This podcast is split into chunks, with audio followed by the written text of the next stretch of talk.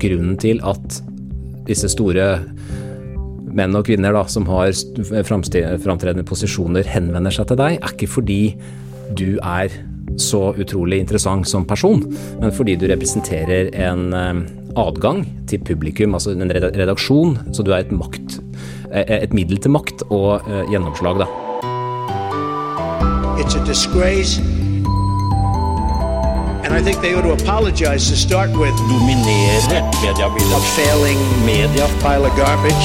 False and fake, fake, fake, fake, fake, fake. Han kommer direkte fra maktens korridorer på Stortinget. Og noe av det han får vite der, det får vi andre vite på NRK litt seinere. For eh, temaet i dag er nemlig anonyme kilder og påvirkning. Og eh, derfor er du gjest her hos oss i pressebåten, eh, Mats Rønning. Du er NRK-journalist og leder av Stortingets presselosje. Hei, hei. Mitt navn er Kristine Sterud. Vi skal prate litt om hva Stortingets presselosje egentlig er for noe. Men aller først skal vi ha noen ord fra våre annonsører. TV det er jo ikke lenger bare en skjerm du har i stua. Hvordan ser vi egentlig på TV nå, og hvordan vil vi se på TV i morgen? Dypdykk i innsikt og trender og få svar i Telias ferske TV-rapport Kampen om TV-seerne. Last ned rapporten på telia.no tv-rapport. Kunne du tenke deg å bli leder? Liker du at det koker? Og har du lyst til å ha ansvar for fronten og breakingdesken i selveste Tønsbergs Blad? Da har du muligheten nå. Tønsbergs Blad søker frontsjef. Du kan lese mer om stillinga på stilling.m24.no. Mats Rønning, du er nettopp eh, gjenvalgt som leder av Stortingets eh, presselosje. Men hva er egentlig denne presselosjen for nå? Det er jo et eh, FAU-verv på vegne av politiske journalister, kan jeg ha inntrykk av innimellom. Uh, nei da, uh, vi er en medlemsstyrt organisasjon som består av politiske journalister fra alle redaksjonene som dekker norsk politikk tett. Og Stortingets presselosje ble 100 år i 2020, så den har lange røtter i, i, på Stortinget da, og i, norsk, altså i norsk politikk. Vi jobber for å gjøre forholdene bedre for journalister som skal dekke politikk i stort. Eh, adgangen til Stortinget er et nøkkelord. Ikke bare liksom det å komme inn, men også ha tilgang til kontorer og, og hjelpe journalister som, som, jobber der, slik at de får best mulige mulig arbeidsbetingelser.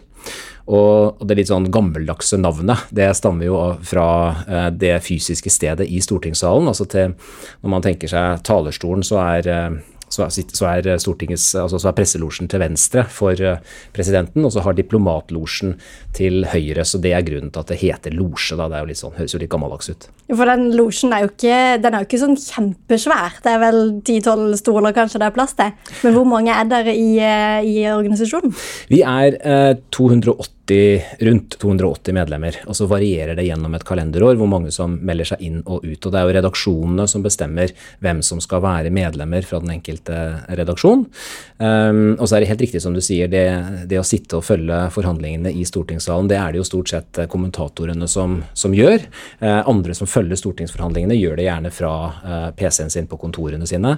Uh, men det fins også noe som heter losje for utenbys presse, som er litt morsomt. En overlevning fra gamle dager. og den er da etasjen over i Stortingets eh, fjerde etasje, og der er det liksom holdt av plass til eh, journalister som kommer utenbys fra, men i praksis så sitter de også nede i, i losjen i stortingssalen nå. For da jobber jo for å, å, rett og slett få litt bedre vilkår til å få lov å, å, jobbe som journalister på Stortinget. Hva slags type kamper er det da må ta? Det er egentlig den samme kampen år etter år etter år, eh, og det handler om tilgangen ikke bare til stortingssalen og vandrehallen, men også til korridorene, til møterommene, til kontorene til stortingsrepresentanter. Fordi politikerne er veldig opptatt av å snakke om at de ønsker en tilgjengelig og tilstedeværende presse, men det er helst når de har noe de vil ut med sjøl. Når det brenner, og når det er store konflikter på gang eller vanskelige saker, så ønsker mange at vi holder en lavere profil. Og da er det viktig å ha regler på plass som gjør at uh, vi skal ha tilgang både når eh, sola skinner og når det striregner. Og, og, det er noe av det viktigste vi har gjort. Så adgangsreglementet har vi nå, eh, bare i min tid i styret, eh, revidert flere ganger i samarbeid med Stortinget. Og da er det alltid en del rivninger. Hvordan man skal forstå f.eks. For hva et fellesareal er. Kan jeg stå utafor kontoret til en stortingsrepresentant og vente til han er ferdig i et møte? Kan jeg banke på døra og gå inn? Kan jeg ha med meg kamera der? Mange sånne praktiske spørsmål som eh, journalister støter på. Da. Kan man det? Kan man stå og vente utenfor døra? Ja, eh, det kan man utenfor, eh, utenfor kontorer og utenfor møterom. Men her er det også viktig å vise hensyn. Altså, Man skal ikke lytte ved dørene. Du skal altså ikke stå på en sånn måte at du klarer å få med deg ting som ikke var ment for dine ører. Eh, men å vente på at et møte blir eh, ferdig, eller at en representant kommer ut, det er lov. Og det er også tillatt å banke på døra og spørre kan jeg få lov til å komme inn og, og intervjue deg om en sak, eller ta en prat. Eh, men hvis representanten sier nei, så er kontorene definert sånn at det er representantens egne områder. Så der har vi ikke tilgang på samme måte som vi har til, til korridorene og til, til, andre deler av Stortinget. Da. Det samme gjelder for øvrig møterommene som komiteene har. I motsetning til Eh, f.eks. utvalgsmøter i kommuner og sånn, så har ikke vi eh, som er journalister adgang til å følge eh, diskusjonene inne i komiteene. Og Det er noe som Presselosjen lenge har jobba for å få lov til, men så langt har vi ikke fått gjennomslag for det. Så vi må vente på utsiden av komitédørene når de diskuterer, og heller stille spørsmål til komitémedlemmene når de er ferdig møtene sine. Så da blir det å stå ut forbi og vente litt. Jeg lurte jo på, For de som er stortingsrepresentanter, har f.eks. veldig strenge kleskoder. Mhm. Du får ikke lov å, Hvis jeg husker riktig, da, så får du ikke lov å gå i olabukse inn i stortingssalen f.eks. Hvordan er det for journalister på Stortinget? Er det kleskode for dere òg? Det er veldig morsomt at du tar opp, for nå er vi akkurat i gang med en dialog med Stortinget, hvor vi har fått en del eh, henvendelser om at det har blitt litt uh, lurvete påkledning blant uh, enkelte av våre medlemmer i, i presselosjen. Og, og, da har jeg utfordra Stortinget til å komme tilbake til oss med hva det konkrete klesreglementet nå er. Fordi jeg har sett et trygt uh, eksemplar av dette klesreglementet for noen år tilbake, og det er ganske gammeldags. Der mener jeg å huske at det står noe om at uh, kvinner skal gå i drakt eller i knelange skjørt, og det er litt sånt. Så vi må nok rydde litt opp i det der. Men, men til det du spør om, egentlig så skal journalistene eh, kle seg eh, som altså, eh, på, på, samme måte. Det er de samme reglene egentlig for journalister som for stortingsrepresentanter, og særlig når man er inne i salen. Men i praksis så er det ikke så mange dresser og slips, eh, men gjerne skjorte og jakke på, på mannlige journalister. Og så, så kler eh, de kvinnelige journalistene seg også litt deretter. Så litt sånn formelt uformelt er vel vanlig kleskode. Men jeg er egentlig mer opptatt av hvordan journalistene oppfører seg og, og hvordan de løser jobben sin, enn akkurat hvordan de kler seg. Så den henvendelsen vi har fått, den har ikke jeg fulgt opp veldig nøye, for å si det sånn. Nei, ikke sant. Man må få lov å kle seg i hva man vil. Ja, dette er jo spørsmålet om hvor som eh, litt sånn ja, tror jeg tidene utvikler seg litt òg. Og, og, takk eh, og lov for at vi har fått en del yngre journalister inn i presselosjen også, som ser på dette litt annerledes. Og jeg tenker at eh, det handler jo om respekt for Stortinget og vårt folkevalgte organ og for demokratiet, og det mener jeg du kan uttrykke selv om du går i olabukse og, øh, og øh, T-skjorte, øh, så lenge du oppfører deg på en måte som, som er i tråd med det. da. Det handler jo litt om den her eh, distansen. Du sier at tidligere så var de journalistene utenbys fram, at de sitter liksom i en egen etasje.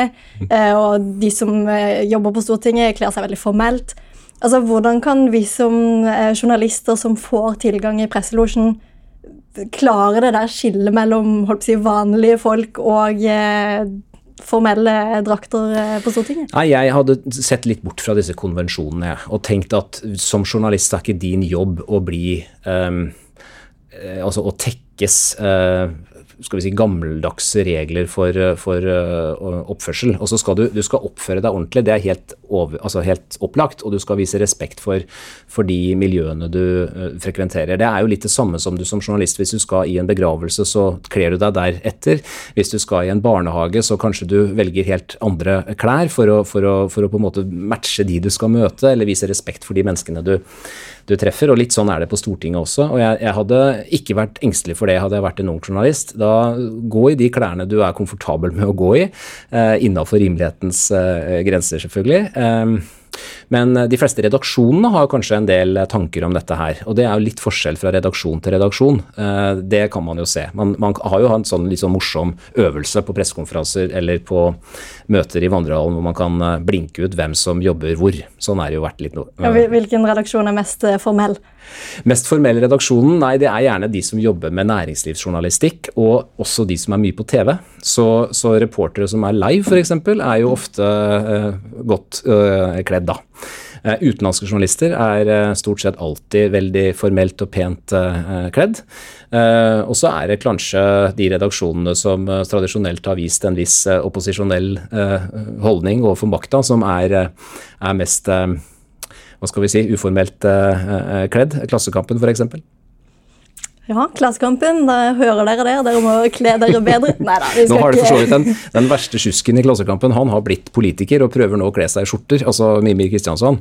Så det er jo alltid litt gøy å, å, å se at han nå har måttet uh, kle seg som folk, som uh, disse gamle Høyre-representantene ville sagt. ikke sant. Vi skal ikke, vi skal ikke, bare snakke om klær, vi skal også snakke litt om, om journalistikk og metoder. Eh, for det at man jobber så tett på politikere eh, på Stortinget. Man treffer de ganger man tar en kaffe. Hvilke utfordringer er det som oppstår når man jobber så tett på sine egne kilder?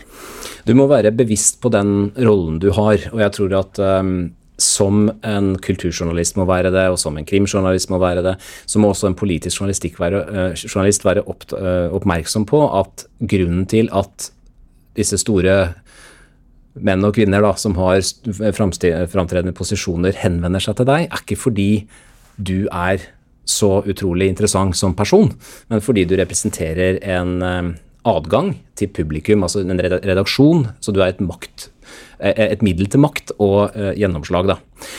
Og med det utgangspunktet så blir det kanskje naturlig for deg å være litt distansert til den henvendelsen du eventuelt får, fordi du, du skjønner at du er utsatt for en eller annen form for påvirkningsprosess.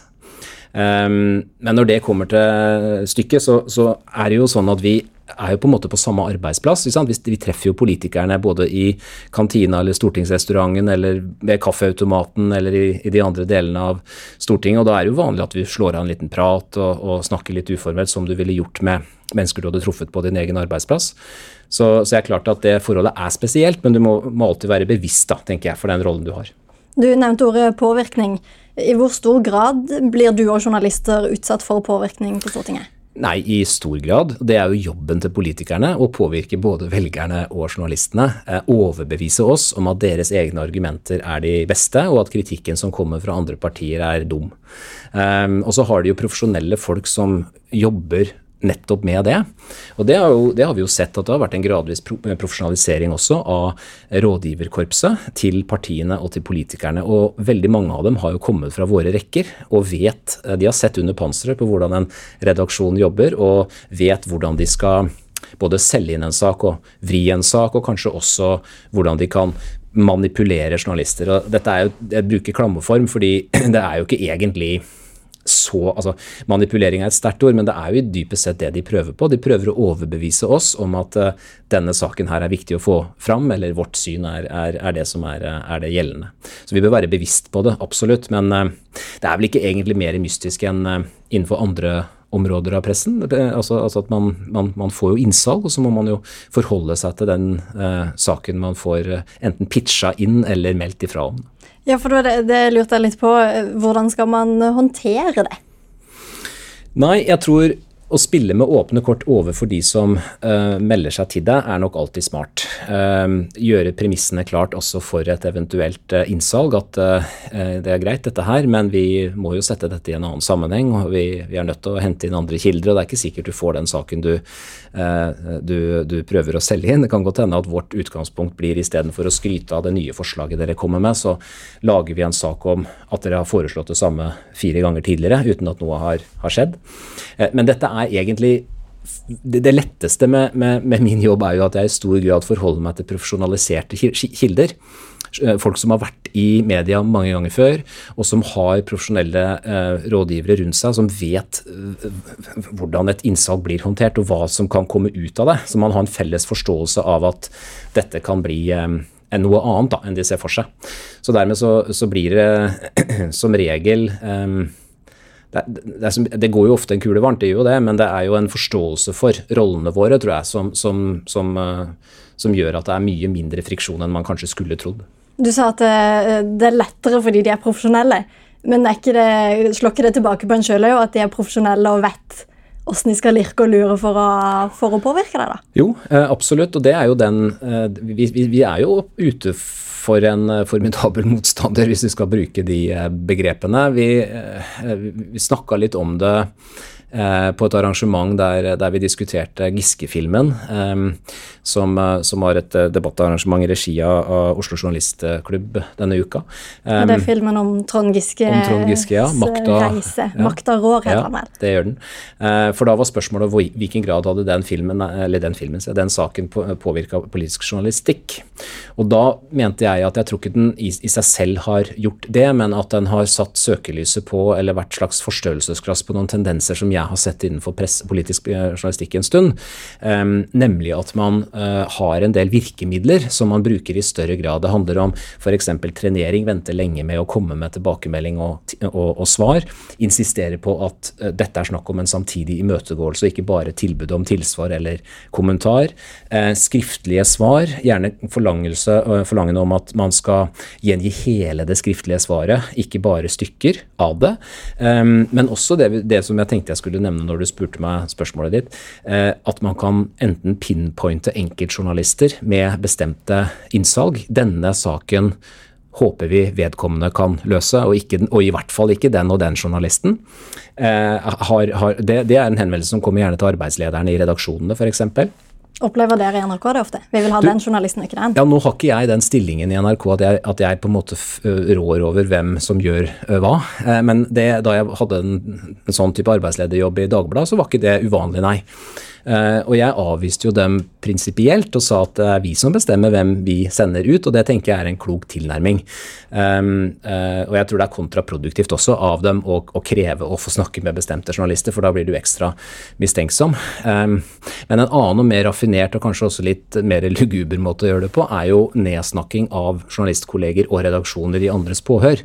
Og det har jeg blitt uh, uh, vitne til et par ganger. Um, og Det syns jeg er guffent. Det handler om at en redaksjon har gjort en sak, eller lagd en sak, og så skal man kanskje følge opp den saken, og så får man en bakgrunnssamtale fra en eller annen i et parti eller en organisasjon som sier at jo, men hør nå her, den journalisten som har skrevet den saken der, du vet jo hvordan vedkommende er, og det er jo ikke til å stole på det som står der, det er jo bare en skikkelig tullesak.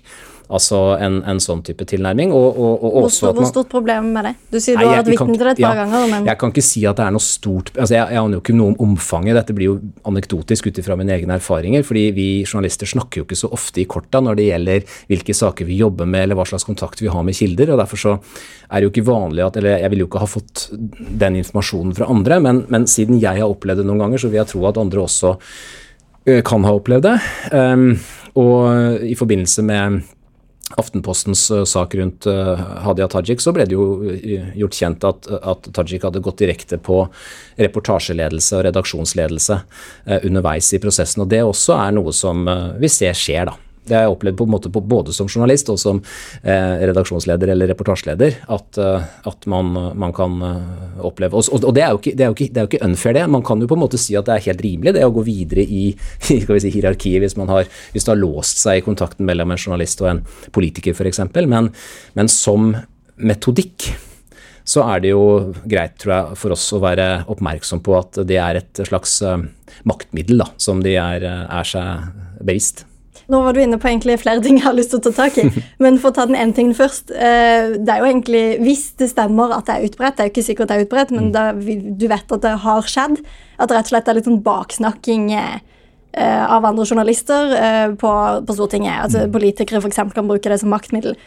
Hvordan skal man håndtere det? Altså Du sier ja, vi vet ikke om det er et problem fordi vi, vet, vi snakker ikke om det.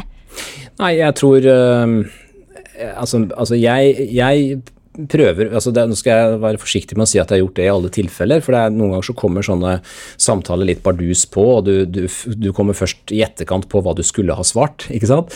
Men, men jeg, jeg, liker jo ikke det. Uh, for jeg, er jo, jeg er jo glad i de jeg jobber med, men, men også de politiske journalistene som jeg har kjent gjennom nå sånn to tiår, og kanskje mer enn det, i andre redaksjoner.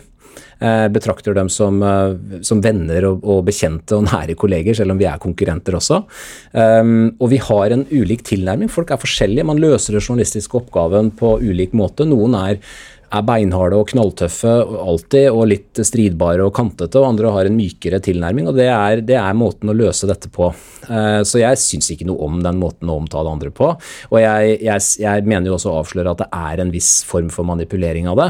Og det får jo også en annen eh, effekt, ikke sant. Den klassiske innsalget hvor de, hvor de tar kontakt med deg og så sier de, du er jo så flink, dette kan jo du. Ringer deg, vet du, fordi dette har jo du skrevet om så mange ganger før. Og hvis vi tar det med deg, så blir det ordentlig, det vet vi. ikke sant? Det er også en form for um, manipulering, da, eller en, eller en, forsiktig hersketeknikk som jeg tror mange journalister kanskje har opplevd, og, og som vi bør være oppmerksom på. For det er, det er flinke folk på den andre sida her som prøver å få oss til å løse jobben vår på en bestemt måte. Men burde vi snakke høyere om at liksom, ja, dette skjedde med meg? Ja, jeg ser ikke bort ifra det. Eh, og så har jeg en kostnad kanskje å gå ut med det. Og det er jo også et spørsmål om eh, kildevern her. ikke sant? Det er derfor jeg snakker i litt eh, si, overordna former nå. Fordi eh, de samtalene hvor dette har dukka opp, er jo reelle, kildesamtaler som jeg har ført med, med folk i, i, partier og organisasjoner. Og Derfor så kan jeg jo ikke gå mer inn på det enn en det. Um, men, men, det har jo vært, det har jo vært tilfeller også hvor man liksom har sett at Eller man kanskje kan ha vært frista til å følge opp uh, dette på en litt, uh, litt annen måte.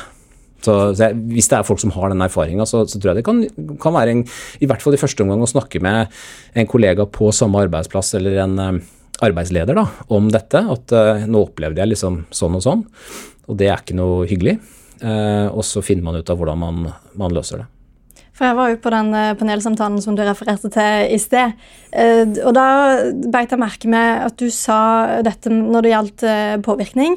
Eh, så sa du at vi kanskje må være mer åpne om den påvirkninga man utsettes for. Eh, og nå nevnte du jo nettopp hvordan man kan være åpne om det innad i redaksjonen. Men burde man være tydeligere opp mot leseren òg, at sånne her prosesser foregår? I ja, så fall på hvilken måte da? Ja, jo, eh, altså Et eksempel. Hvis du f.eks. har fått en eh, utregning eh, for et forslag som, som et, en organisasjon eller et parti har stått bak, så kan man av journalistiske forfengelighetshensyn være frista til å liksom ikke nevne det. Fordi da virker det som om du selv, helt uten påvirkning fra, eller uten innsalg, da, for det innsalg er litt mer sånn B-prega. Du ønsker jo å være den journalisten som det er helt uten grunn. Altså, det finnes mange mange gode saker som kommer til som, som følge av innsalg. Eh, men, men, men sånn overordna så er det sånn. Uh, og, og, da skrive liksom at denne beregningen har det og det partiet selv foretatt, eller en eller et, et, et, altså, Det er jo på en måte å spille med åpne kort, og, og noe jeg har inntrykk av at gjøres i større grad nå enn hva jeg opplevde var tilfellet uh, før, hvor man på en måte prøvde å skjule de spora uh, litt, uh, litt, mer aktivt. Da. Så det kan være ett eksempel. Vi kan jo også f.eks. noen ganger vurdere om vi skal skrive at vi tok kontakt med noen for en reaksjon eller en kommentar, framfor at det framstår for leseren som om vedkommende som raser i overskriften gjorde dette på eget initiativ. ikke sant? Det er jo Noen, noen ting kan vi lette på sløret om uten å støte, opp, støte an mot, mot kildevernet, helt åpenbart. Um, og Når det gjaldt det med åpenhet, så tenker jeg det handler også om å forklare litt den journalistiske arbeidsprosessen. Da, da diskuterte vi også i panelsamtalen dette med anonyme kilder, som jeg vet du har lyst til å komme inn på også.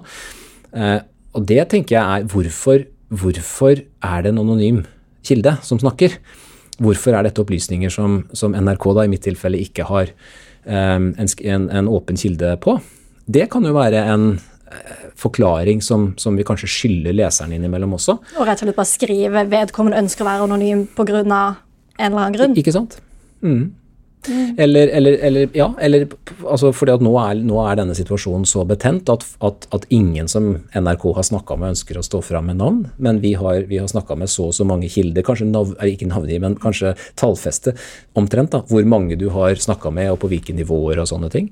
Det er, det er, en, det er jo en, en mulighet. Men jeg, jeg opplever jo også mange ganger at de som bidrar med opplysninger og sjøl skjønner at de vil være en anonym kilde, er opptatt av at de ikke skal bli presentert som en kilde i eh, regjeringsapparatet eller i sentralstyret eller i departementet eller hvor som helst, men at de helst eh, ikke vil bli navngitt som kilde og ikke sitert direkte heller.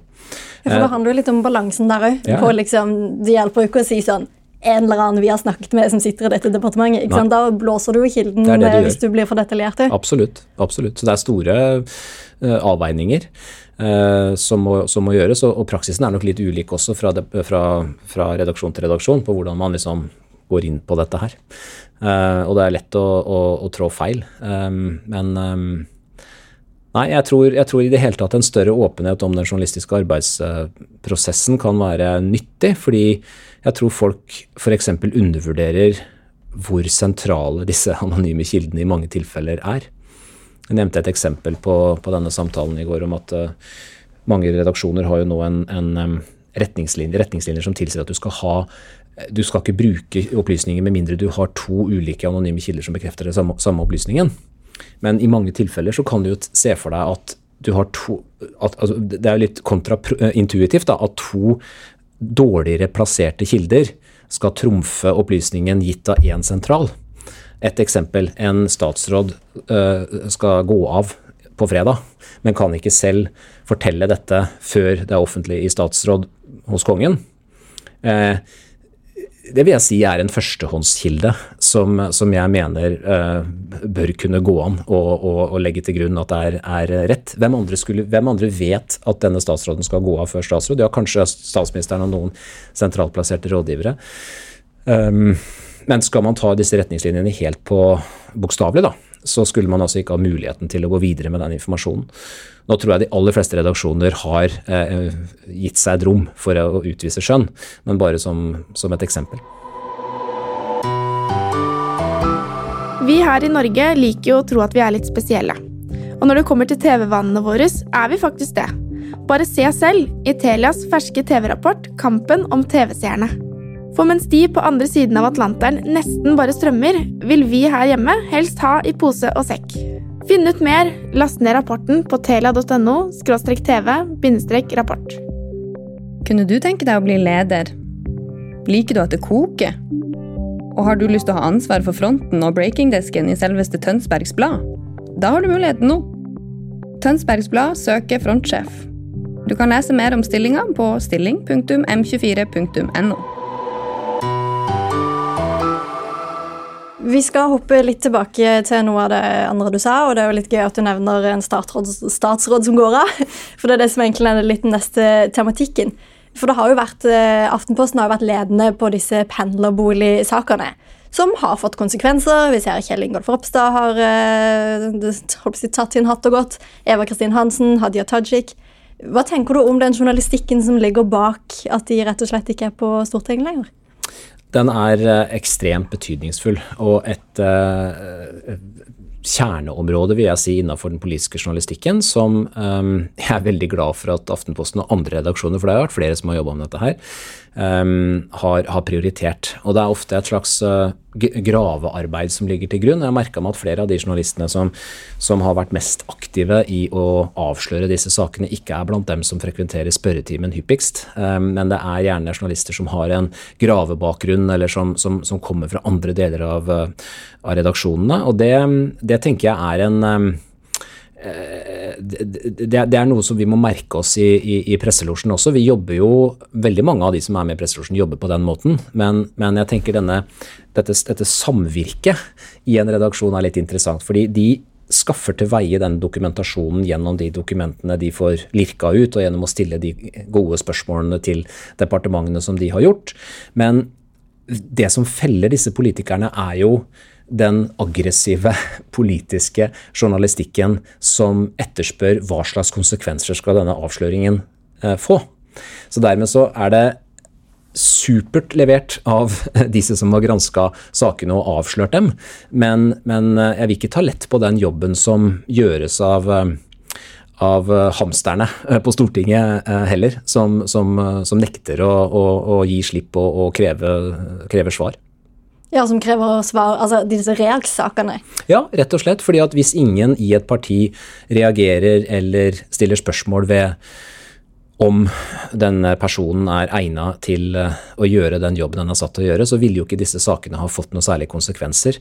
Det eneste unntaket der kan være, og nå må jeg ta det litt etter husken, men, men det, det fins jo politikere som på en måte har gått av nærmest fordi det har kommet fram en avsløring, um, og uten at det har vært et formidabelt press um, på, på, på, bakgrunn. Uh, men, men det er ikke mange eksempler på det. De fleste har jo egentlig som innskytelse at de skal beklage, og så er det litt uklart hva de beklager. Eh, og så har de lyst til å fortsette, ikke sant. Og så blir de tvunget til å gå av til slutt. Men kan man si, hvis, Nå forenkler jeg det ekstremt her. Mm. Men kan man si at uh, disse VG og Aftenposten sine saker om Hadia Tajiks uh, bruk av pendlerbolig Hvis det bare hadde kommet uh, altså, eller ikke altså selv, hvis det hadde kommet som enkeltsaker og så ikke blitt fulgt opp, så hadde kanskje Hadia Tajik fortsatt vært om ikke statsråd, så i hvert fall nestleder i Arbeiderpartiet, da. Ja, jeg, jeg, jeg, tror, jeg tror, jo det. Fordi, men det er klart at da vil jo de journalistene si at ja, men dette er jo bare første sak. De vil jo også ha stilt de samme spørsmålene. Men eh, jeg tror den Aftenposten-saken bl.a. viste, jeg tror de var åpne om det, at de hadde venta veldig lenge på å få et intervju og få avklaringer og få svar fra, fra Hadia Tajik.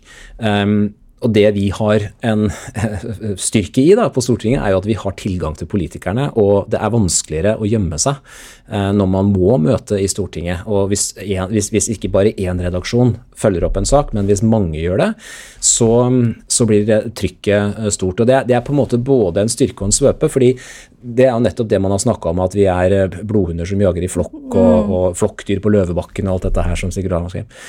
Um, så Vi må være oppmerksom på at det samla trykket, selv om hver enkelt redaksjon holder seg innafor eh, skal vi si, det etiske reglementet og ikke liksom presser for hardt på utsatte folk, så kan det samla trykket bli stort. Men det er en styrke også ved at man nekter å gi slipp, og man skjønner at selv om du ikke svarer Aftenposten, så behøver ikke det si at du kan si det samme til eh, alle de andre redaksjonene. Man tar liksom ikke et nei helt for et eh, nei, da. Og man tar ikke det at en annen redaksjon fikk nei, tar man i hvert fall ikke som et nei hvis man vil nei. prøve sjøl. Nei, så det, det, drevet, det journalistiske drevet som ikke alltid er så pent å se på, uh, det, det, har en misjon uh, i, i, saker som dette, tenker jeg.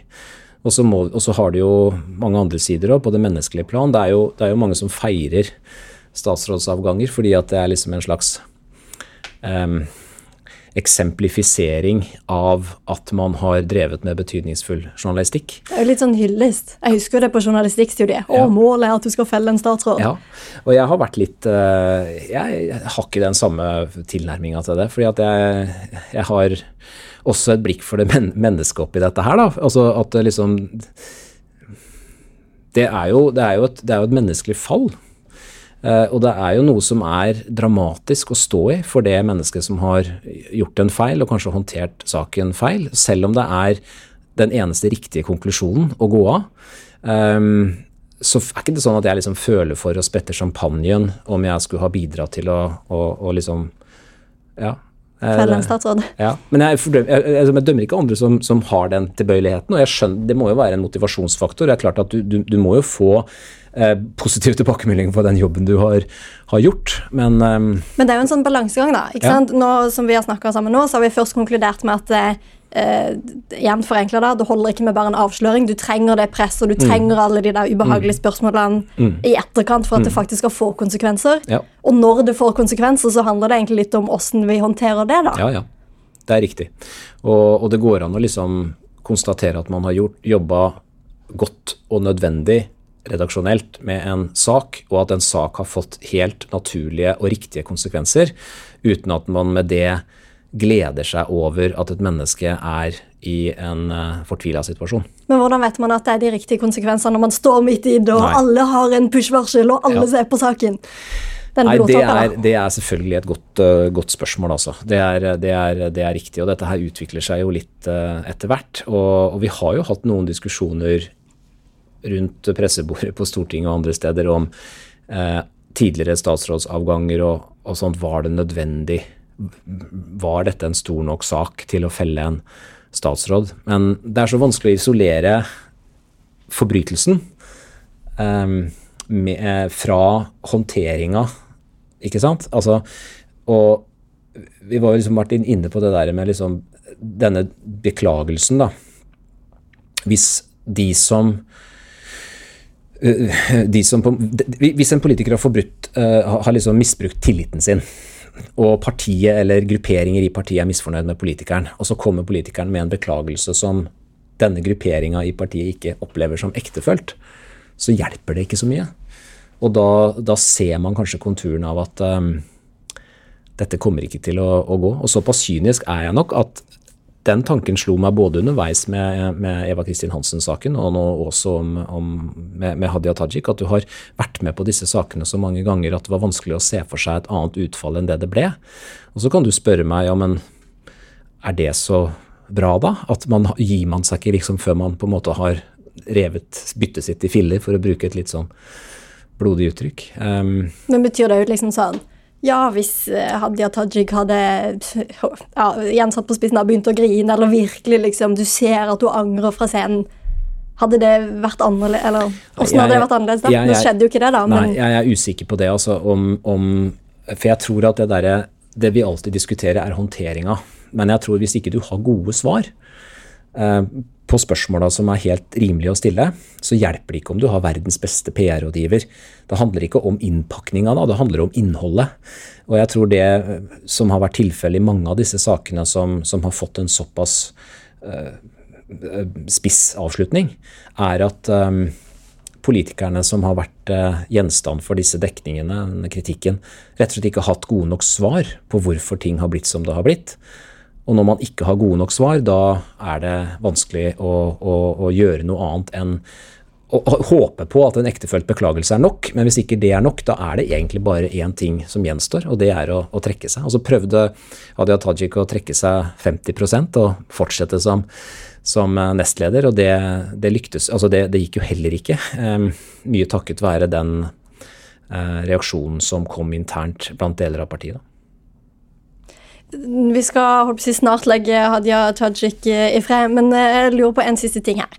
For uh, i starten av dette forløpet med journalistikken som handla om hos sine pendlerleiligheter, så vi vet at Aftenposten jobba med en sak, og så vet vi nå i ettertid at VG jobba med en sak. Men det som skjedde i Aftenposten-saken, var jo rett og slett at Hadia Tajik skrev på Facebook før denne saken eh, var ute i Aftenposten. Og man har jo sett eksempler på det tidligere. Eh, politikere som ikke stiller til intervju, men som skriver sin versjon da på, på Facebook eller andre sosiale medier. Mm. Hva skjer med journalistikken da? Blir han på en måte kuppa? Ja, det gjør den jo. Eh, og noen ganger funker det, og andre ganger funker det ikke. og vi kan jo kanskje slå fast at det ikke funka så godt i denne sammenhengen her, men det så jo ut til å være en vellykka eh, strategi i starten. Hun fikk veldig mange sympatimeldinger fra folk i, på, langs hele det politiske spekteret, egentlig. Som nok eh, Jeg vet jo at Aftenposten har jobba ekstremt nikjært med dette her og stilt eh, en rekke detaljerte spørsmål til så å si alle politikerne på, på Stortinget. Um, og dermed så var det nok sikkert mange som tenkte fader, så gøy, gøy, at det er noen som tar tak i dette her. Og så så man at det var noe annet som kom, og så, ble det, så slo det tilbake på, på henne. da. Um, så det er et godt eksempel. Fabian Stang gjorde noe tilsvarende under denne hyttemalingssaken som, som han var involvert i. Um, så vi har sett uh, eksempler på det. Og jeg opplever også at selv når en sak har kommet ut, at uh, noen politikere kan velge å gjengi den på sine egne sosiale medier på en fortegna måte. Altså f.eks. Um, gjengi deler av dialogen med journalistene eller med redaksjonen, eller, eller, skrive eh, den og den redaksjonen prøver nå å lage en tullesak ut ifra dette her, men også, og så griper de fatt i ett premiss i saken som kanskje ikke er det viktigste, men som er det letteste å slå tilbake, og så får de masse støtte i kommentarfeltene. Og for mange år siden så prøvde jeg liksom å pirke borti dette i kommentarfeltet en politiker som hadde gjort det på den måten. og eh, tapte den diskusjonen så det sang fordi At du tapte diskusjonen? ja, fordi at du vet at de som følger denne politikeren og som kommenterer på veggen eh, hans, for det var en han, eh, har nok i utgangspunktet mer til overs for politikeren enn for journalisten. Så jeg, så jeg stilte med et lite handikap der. Men jeg har veldig sans for de journalistene som ikke har gitt opp. altså Sjøl har, eh, har, jeg nok nesten gjort det. Jeg har ikke jeg har ikke ork til å gå i, i rette med kommentarfeltene eller Twitter-stormene når, når, det står på som, som verst. Derfor så velger jeg heller å, å, å holde munn. Og det er litt feigt, selvfølgelig. litt feig må man få lov å være, holdt jeg på å si. Tidenes bridge over til et helt annet tema. Eh, fordi eh, det jeg tenkte vi skulle snakke litt om, er rett og slett om det, om eh, Mats Rønning. Mm. For du har jobba i NTB i 17 år, mm. og du var leder for politisk avdeling i Dagbladet en god stund. Og nå jobber du som journalist i NRK, i politisk avdeling der òg, riktignok. Uh, og vi hadde et intervju med din tidligere kollega Steinar Suvatne i høst. uh, og da kalte han det årets største presseflause. ja, han at du gjorde begynte i dag, nei, at du slutta i Dagbladet for å begynne i NRK. Ja. Han elsker arbeidsplassen sin, Steinar, og det gjorde jo jeg òg. Jeg, jeg syns det var veldig veldig gøy å jobbe i Dagbladet. Det er en fantastisk gjeng der. En, en ordentlig sånn dugnadsånd uh, som kommer helt fra gulvet og helt opp i taket.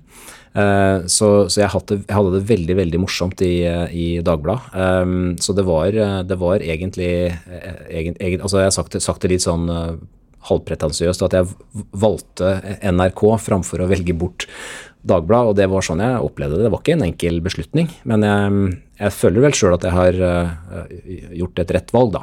Savner du Dagbladet? Jeg savner folka, uh, det gjør jeg. Um, men de treffer jeg ofte ute på, på, byen, fordi jeg er glad i å ta en øl i Dagbladet. Så det hender at vi, vi treffes og kan snakke om, om det, som, det, som, var. Men uh, nei, jeg, jeg, jeg, følte meg ikke ferdig som journalist og som reporter, rett og slett, og, og syns at det er veldig spennende å være arbeidsleder og reportasjeleder òg, men det er jo også mye administrativt ved den eh, jobben. Det er mange møter, og det er mye planlegging du må drive med. Ehm, så jeg følte at jeg hadde litt ugjort da, som journalist, og så syns jeg det var veldig spennende å se eh, innsiden av et så stort mediehus som NRK. Jeg jobba i mindre redaksjoner tidligere, også før NTB i lokalavisa hjemme i Sarpsborg og sånn. Og, og, ikke så mye med TV. Så, så det har vært, det syns jeg har vært veldig moro. Hva er de største forskjellene på å jobbe i et liksom kommersielt eh, drevet aller-konsern kontra en statsfinansiert eh, NRK? Nei, det er da kanskje eh, nyhetsvurderingene, kanskje. Altså at du på en måte i NRK som i NTB har en mer en sånn gammeldags ansvarlig tilnærming til hva, en, hva er en viktig og vesentlig sak. Ikke sant? Så du har begynt å bli gammel? Ja, det har jeg alltid vært. Så det er ikke noe ja. um, det, Men det kler meg nok litt, altså. Eh, det gjør nok det. Jeg, jeg, jeg, jeg syns det er den, der, den, ideen om at man på en måte har en, eh, et, et ekstra ansvar som journalist til å dekke bredden, ikke bare de sakene folk har lyst til å lese, men de sakene folk kanskje også burde lese. Høres kanskje litt sånn ovenfra og ned ut, men, men det, det syns jeg er en riktig vurdering. Og det er en del ting NRK skal gjøre, og må gjøre, som Dagbladet ikke behøver å gjøre. Og det gjør at utvalget av, av saker er selvfølgelig mindre bredt. I, i, Dagbladet. Eh, samtidig så har jo de en tilnærming hvor de skal, de, skal, de skal, nå så mange som mulig. Og det gjør jo at tabloidaviser som Dagbladet er ekstremt viktige når det gjelder å, å, skaffe en felles, eller legge til rette for en felles samtale i et samfunn som Norge. Og det mener jeg vi har sett eksempler på f.eks. fra USA, hvor, hvor, hvor savnet av sånne felles plattformer er så stort.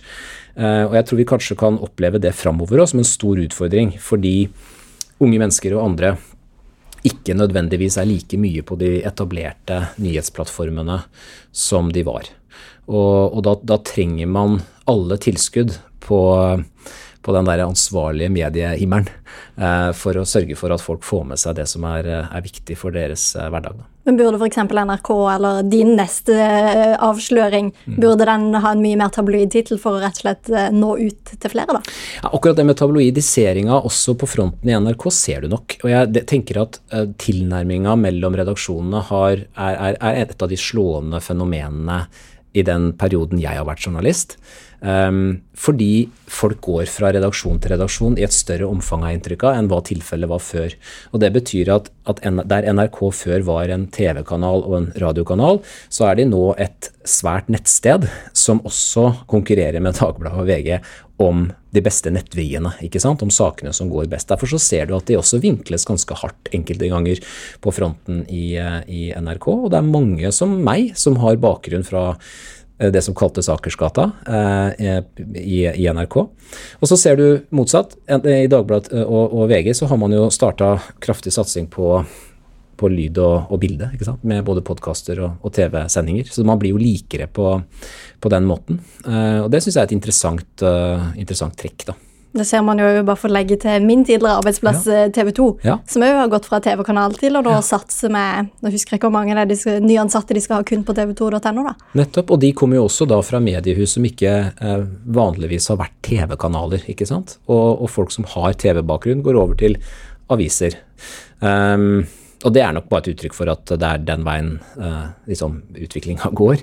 At det har mindre betydning hvilken plattform man er på, men mer hva slags sak du lager. Og Apropos utvikling, så kommer det jo et nytt tilskudd i Medie-Norge nå til høsten. Ja. Rett og slett det her Alltinget, ja. som er ja, politisk eh, nettavis. Mm. Hva tenker du om det? jeg syns det er kjempespennende. Eh, litt sånn nerdenettsted for oss som er interessert i politisk eh, journalistikk. Det, det tror jeg blir kjempebra.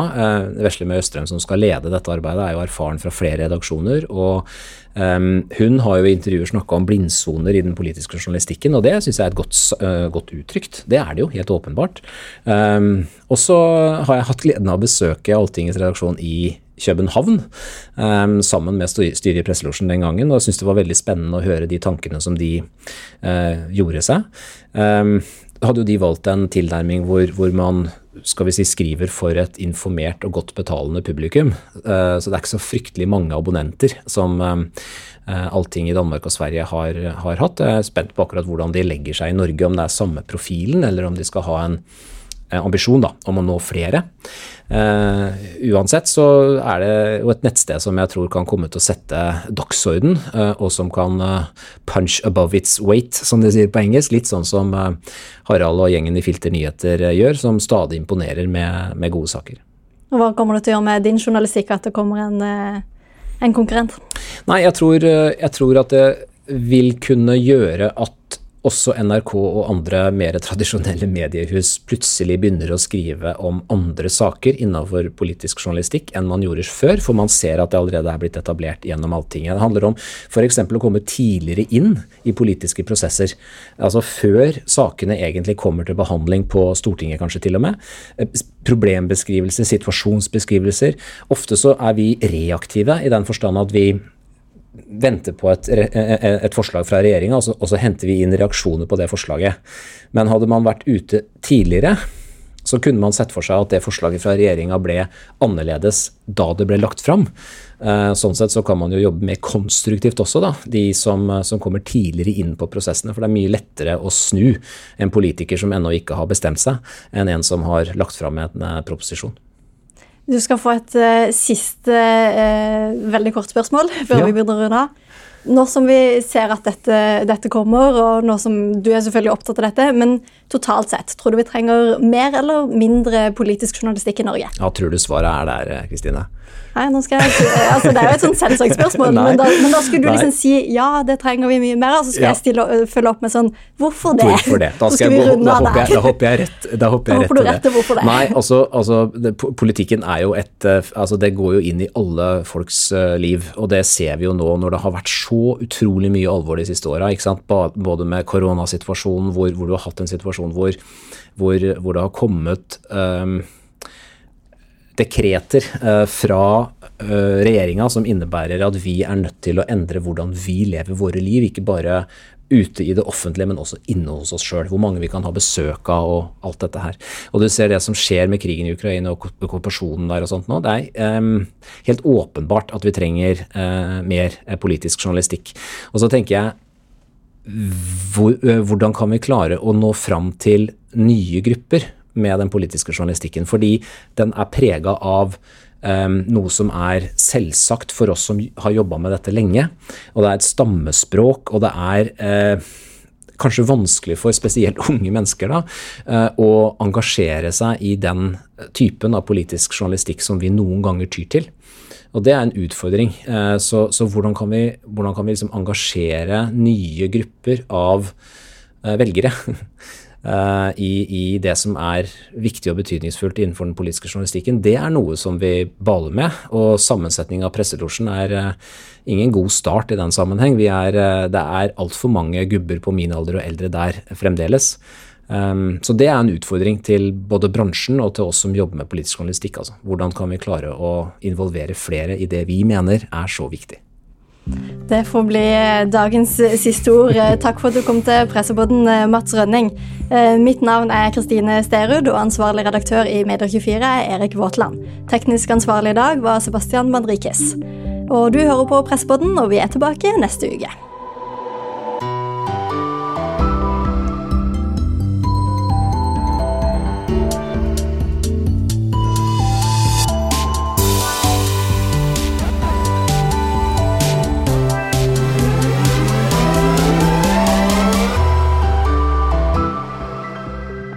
Er jo ganske kult når vi alle ser noe helt samtidig.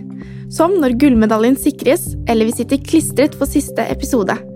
Men når vil vi se live, og når vil vi selv trykke play? I Telia har vi sett på TV-vanene til rundt 500 000 TV-kunder, og vi har funnet svar. Finn ut mer du også ved å laste ned den ferske TV-rapporten på telia.no tv-rapport. Kunne du tenke deg å bli leder? Liker du at det koker? Og har du lyst til å ha ansvar for fronten og breakingdesken i selveste Tønsbergs Blad? Da har du muligheten nå. Tønsbergs Blad søker frontsjef. Du kan lese mer om stillinga på stilling.m24.no.